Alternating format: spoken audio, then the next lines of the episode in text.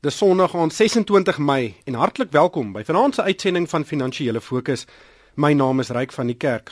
En saam met my in die ateljee om oor die week se sake nuus te gesels is twee ou bekendes op die program. Dis Theo Foster, beleggingskenner by Galileo Capital, goeienaand Theo. Goeienaand Ryk. En Kobus Nel, ontleder by Stanlip, goeienaand Kobus. Goeienaand Ryk en goeienaand aan die luisteraars. Wel, dit was 'n uiters bedrywige nuusweek. Die wisselkoers van die rand het soos 'n klip geval. Dit het gelyk of die JSE in 'n wipwaandjie by Goldreef City was. Michael Jordan van Eerste Nasionale Bank het sy uittrede by die bank aangekondig en dan sal ons natuurlik gesels oor die arbeidsprobleme in die mynbousektor. Matthew, kom ons begin by die rand. Die wisselkoers het nog op 5 Mei op R8.91 teen die dollar gestaan. Nou is dit bykans 10% swakker. Wat het in 3 weke verander? Ryk, ek dink eerstens wat 'n mens moet onthou as jy kyk na 'n geldeenheid, 'n baie groot verhandeling in 'n geldeenheid gaan om sentiment en eerder sentiment oor waar ons op pad is en wat die toekoms is. En ek dink as 'n mens kyk na 'n geldeenheid, moet jy besef dat daar's 'n baie groot mate van sentiment in die verhandeling van 'n geldeenheid. Dit beteken gewoonlik is daar nie een enkele rede wat spesifiek jy kan sê as dit gebeur, verander die geldeenheid of as dit gebeur, versterk die geldeenheid.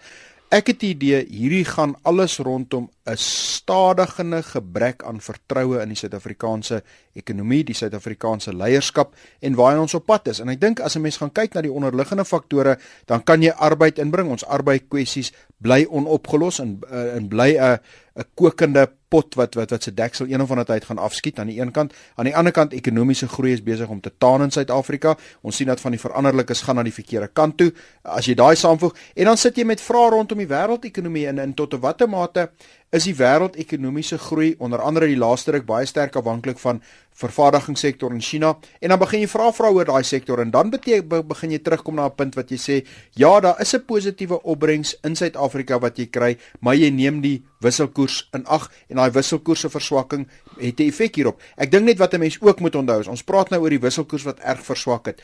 Wisselkoerse is wisselvallig en en daar is faktore wat sentimente baie groot rol speel wat die wisselkoers weer op 'n stadium kan sterker gaan. Ek dink nie mense moet dink elke keer as jy verswakking sien, dis permanent van aard. Daar is siklusse en heidaglik word die siklus gedryf deur 'n negativiteit, maar dit kan weer net so vinnig verander. Wanneer jy byvoorbeeld kry dat um, uitvoerders geld gaan terugbring, hulle het 'n sekere vensterperiode om dit oor see te hou, dan dink ek ons kan weer sterk te kry. So ek dink nie mense moet hierdie verswakking sien as 'n permanente verswakking nie. Ek dink is deel van groter siklusse, maar daar daar definitief 'n gebrek aan vertroue is in terme van ons ekonomiese um, beleid en implementering daarvan, dit is so. Ja, um, ek ek ek sal saamstem, jy weet en ek dink ehm um, as mens as as as ons gaan kyk na die laaste week in die in die Iran se uh, verliese wat wat hy gelei het, jy weet, ehm um, dit was ehm um, jy weet dit was was absoluut in 'n reguit lyn wat die rand geval het en die rand is definitief een van die mees volatielste indien nie die volatielste ehm um, wisselkoers in die wêreld nie, jy weet en en dit is dit is ook baie likwid en en en en ehm um, ek dink daar is jy weet daar, daar is baie ehm um, data en inligting van die van van van van, van verskeie aspekte af wat vinnig in die rand ingeprys word. Ek dink net die een ding wat mense moet na kyk is ehm um, jy weet die kringloop wat die rand tot gevolg het, jy weet. Mense sien ehm um, as mens gaan sien jou jou rand is onder druk en daar's is daar's 'n 'n tendens van verswakking. Jy weet en en en dit begin druk plaas op jou inflasie. Dan sien mense dat baie keer jou skuldbriefkoerse begin op, op op beweeg en daar is 'n hoër potensiële koste van kapitaal wat dan wat dan natuurlik weer negatief is en kan wees vir vir vir ekwiteitbeleggings as ook skuldbriefbeleggings. En dit kan dan weer lei tot verdere onttrekking van buitelandse beleggings so jy weet ek dink net mense moet dit in perspektief sien. Ek dink die reaksie reaksie wat ons in die laaste eh, week gesien is dalk oordoen, maar 'n mens moet tog tred hou met hierdie onderliggende groei en inflasie bewegings. Daar stem ek heeltemal saam. Die punt van die saak is die rand is amper 'n syfer wat maklik is om gesien te word. Ons ons kan hom ons kan hom volg, maar die sekondêre effek is 'n baie groot kringloop. Van 'n beleggingskant ek dink waar mens waar, waar mens net moet versigtig wees is dis tog baie vreemd dat wanneer die rand so verswak is daar ewe skielik begin jy mense kry wat hulle geld oor see wil vat. En dis gewoonlik wanneer jy die fout maak. Jy moes dit gedoen het 6 maande gelede as jy dit wil doen. Moet dit nie nou doen nie. Ja die rand kan verder verswak maar ook die rand soos wat Kobus gesê het is wisselvallig. Dis is sy natuur is dit wisselvallig. En en en die feit dat ons nou 'n baie groot verswakking gehad het gewoonlik volg daai verswakking op 'n periode van 'n bietjie van 'n sterker periode net suiwerheid markkragte. Ja, in die verlede het die rand ook elke keer teruggespring nadat hy so skerp verswak het. Kom ons kyk na die JSE nuwe rekordhoogtepunt bereik en toe skerp geval. Wat was die rede hiervoor en in in Theo, wat verwag jy gaan verder gebeur? Hierdie skerp val het eintlik het 'n ontstaan gehad in die ooste. Onthou markte was op hoogtepunte, nie net hier nie, maar oor 'n klomp lande. En ons het 'n ons het ons het vervaardigingssyfers gekry wat die vertroue in die engine van China begin bevraagteken het. In die oomblik wat jy daai vertroue bevraagteken, moet jy begin sê dat wat beteken dit vir die res van die wêreldekonomie en wat lees ons daarin? Nou die Japaneese markte het verskriklik skerp daarop gereageer. Inteendeel, hierdie reaksie het aangehou en ons is nog steeds in daai reaksie. As jy dit alles bymekaar tel, um, dan kom jy dat van daai markte kan jy praat van nie ver van 10% nie. Dit is regtig ernstige dalings. Hoekom is daai ernstige dalings? Eerstens, hulle is baie nader aan die aan aan van die oosterse ekonomie as wat ons is, maar tweedens, ek dink dit wys vir jou dat vertroue op hoë vlakke is altyd 'n risiko. Mense moet baie versigtig wees. Die as markte op 'n hoogtepunt is, beteken dit 9 uit die 10 kere die markte begin 'n baie goeie vooruitsigte in prys. En wanneer markte baie goeie vooruitsigte in prys, is daar 'n baie klein marge vir foute en dis waar ons op die oomblik sit. Hierdie tipe nuus hmm. op 'n mark wat baie hoog is, beteken daar is nie 'n markte vir foute nie en dan begin jy syfers sien wat jy ewesklik sterk staan en, en, en daar's bietjie van 'n skrik in die syfer. Ja, nee, ek dink definitief ook net vinnig daar aan te sluit is, jy weet die mark verdiskonteer reeds baie van die goeie ma um, um, mark makro-ekonomiese data wat ons sien veral uit Amerika uit, um, meer stabilisering dalk in in in van Europa, ehm um, as ook ehm um, jy weet sekere sekere stabiliserings ehm um, ehm um, neigings in in in in die ooste. So, jy weet, mense moet dan van hier af kyk amper nie net noodwendig van wat se data nou nie, maar wat is die volgende uh, loop wat die wat die wat die wat wêreldgloei moontlik kan neem die volgende 12 tot 18 maande vorentoe. Hmm. Jill Marcus het ook hierdie week bekend gemaak dat rentekoerse onveranderd bly. Dit was na die Reserwebank se monetêre beleidskomitee se vergadering, maar sy was weer baie somber amper soos by haar vorige perskonferensies na die vergadering, maar die temas bly dieselfde. Die risiko's is hoër inflasie, laer ekonomiese groei en sy die bank se vooruitsigte vir ekonomiese groei afvaars aangepas vir hierdie jaar 2,7% tot 2,4% en vir volgende jaar van 3,7% tot 3,5%. Ehm um, Kobus, dis taamlike wesenlike aanpassings. Ja, en ek dink mens moet mens moet dit ook in konteks sien. Ek dink daar is daarom nog 'n paar goedes, jy weet wat wat tot voordeel tel van Suid-Afrika op hierdie stadium, maar mens mens moet tog sê, jy weet as jy as jy sulke ehm um, skerp veranderinge sien en en veral in jou ek sien die die verwikkeling wat ons gesien het aan die arbeidskant ehm um, en en en jy weet waar jy gebrek aan produktiwiteit het aan die einde van die dag en dit kring uit na alle ander sektore om dit. Ehm um, ongelukkig, jy weet ons het aan die van die selfs van die landboukant ook gesien waar waar waar waar daar oor ook afleggings um, plaas oor daar druk op op lone geplaas is. So ek dink al hierdie ehm um, jy weet verandering of intrede wat daar wat wat wat, wat gebeur het in die in die in die laaste um, noem dit 6 tot 9 maande in die mynbou en die landboukant wat deurvloei na jou vervaardigingskant is maar negatief vir vir Suid-Afrikaanse groei. Sjoe, ek het na na die perskonferensie geluister en inflasie is regtig nie meer die probleem nommer 1 op die agenda nie. Dis eintlik 'n sekondêre probleem en ek moet met die vakbonde vir Alkusatu saamstem wat sê luister, weet ekonomiese groei moet heel bo aan die aan, aan daai agenda wees en dit is nie op die oomblik nie. Ryk Ek dink op die langtermyn moet jy prysstabiliteit hê. Jy kan nie werklik volhoubare groei kry in 'n hoë inflasie omgewing nie, maar dit moet amper gesien word as 'n medium na langtermyn doelwit.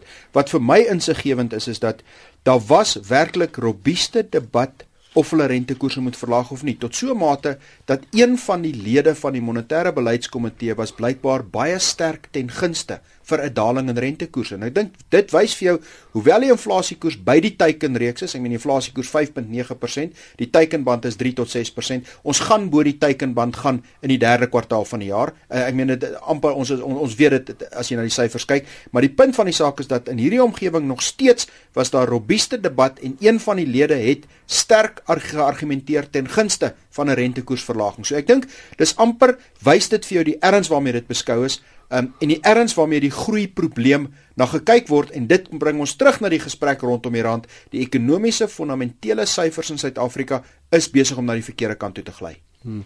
Kobus, kom ons praat oor arbeidsonrus in die mynbedryf. Um, ons is in die stakingsseisoen, maar daar's baie baie groot probleme, nie net in die bedryf self nie, maar ook tussen vakbonde. Hmm. Is dit iets anders wat ons nou sien as wat ons 2 uh, jaar gelede gesien het? Okay, ek dink mens moet eerstens gaan kyk na die arbeidsverhouding wet en, en op die oomblik is daar 'n dinamika wat besig is om te verander.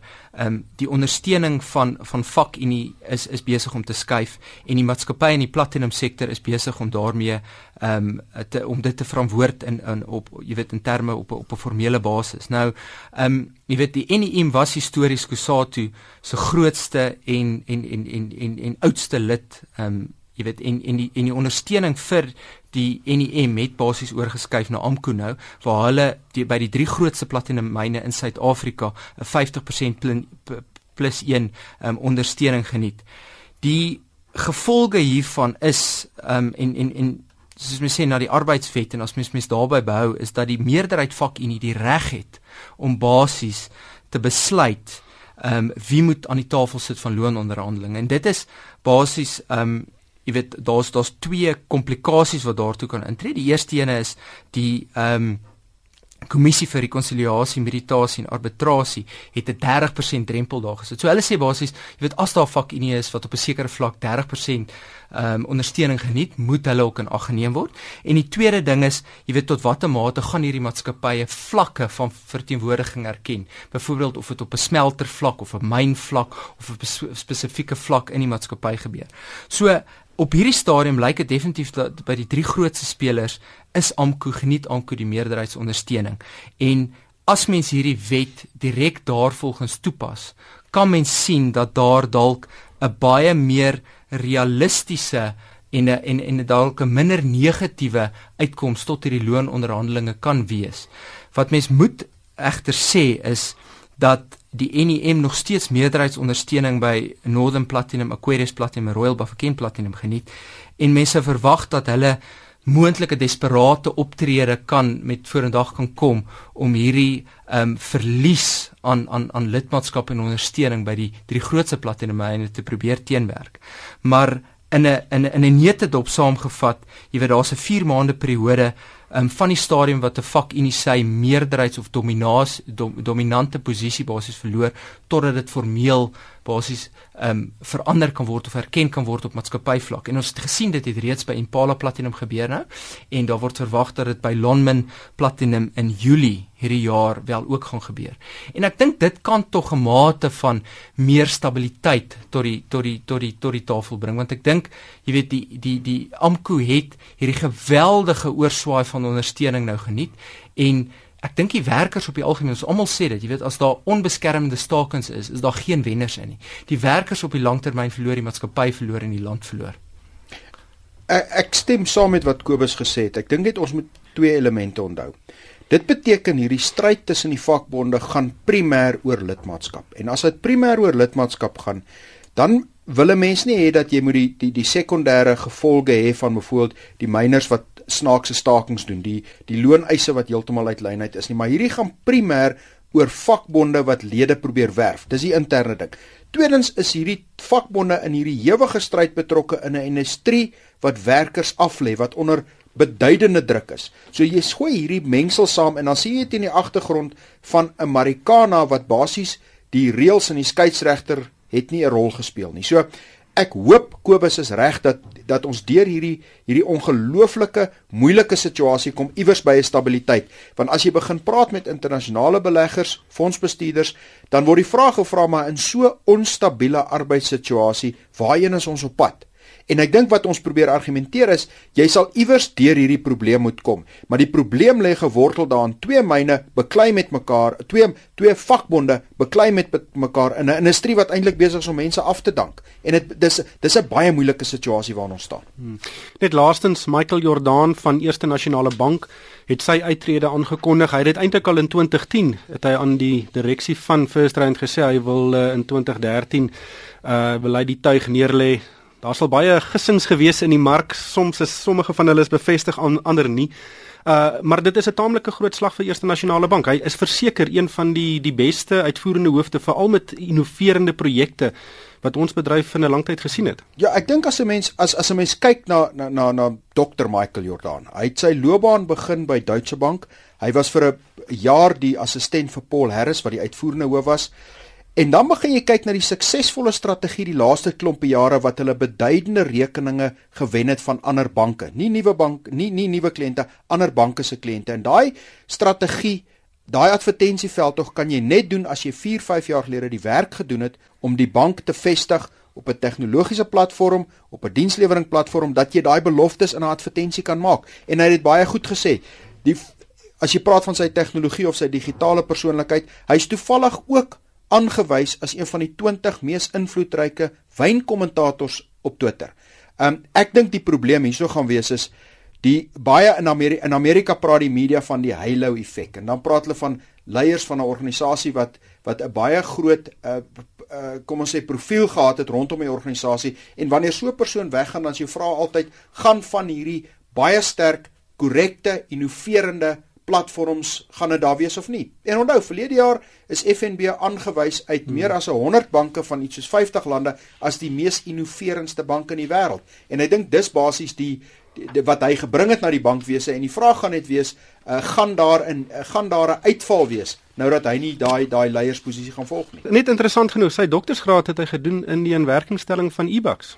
Wat verseker ja. een van die beste weet loyaliteitsskemas in die in die in die land is. Wel, dit kom terug na die feit dat onderliggend tot die sukses lê innovasie. En en tot in watter mate Eerste Nasionale Bank voor die ander is, ek dink nie dis so relevant nie. Die persepsie is hulle is voor die ander. En ek dink dis daai persepsie. Nou in baie gevalle was dit so, baie gevalle die ander banke opgevang, maar die persepsie is vir 'n periode van tyd daar dat hulle is voor die ander. Ongelukkig is dit alwaarvoor ons tyd het vanaand. Baie dankie aan Kobus Nel van Stanlip en Theo Forster van Galileo Capital. En van my ryk van die kerk, dankie vir die saamkuier en ek hoop almal se week is meer winsgewend as verlede week.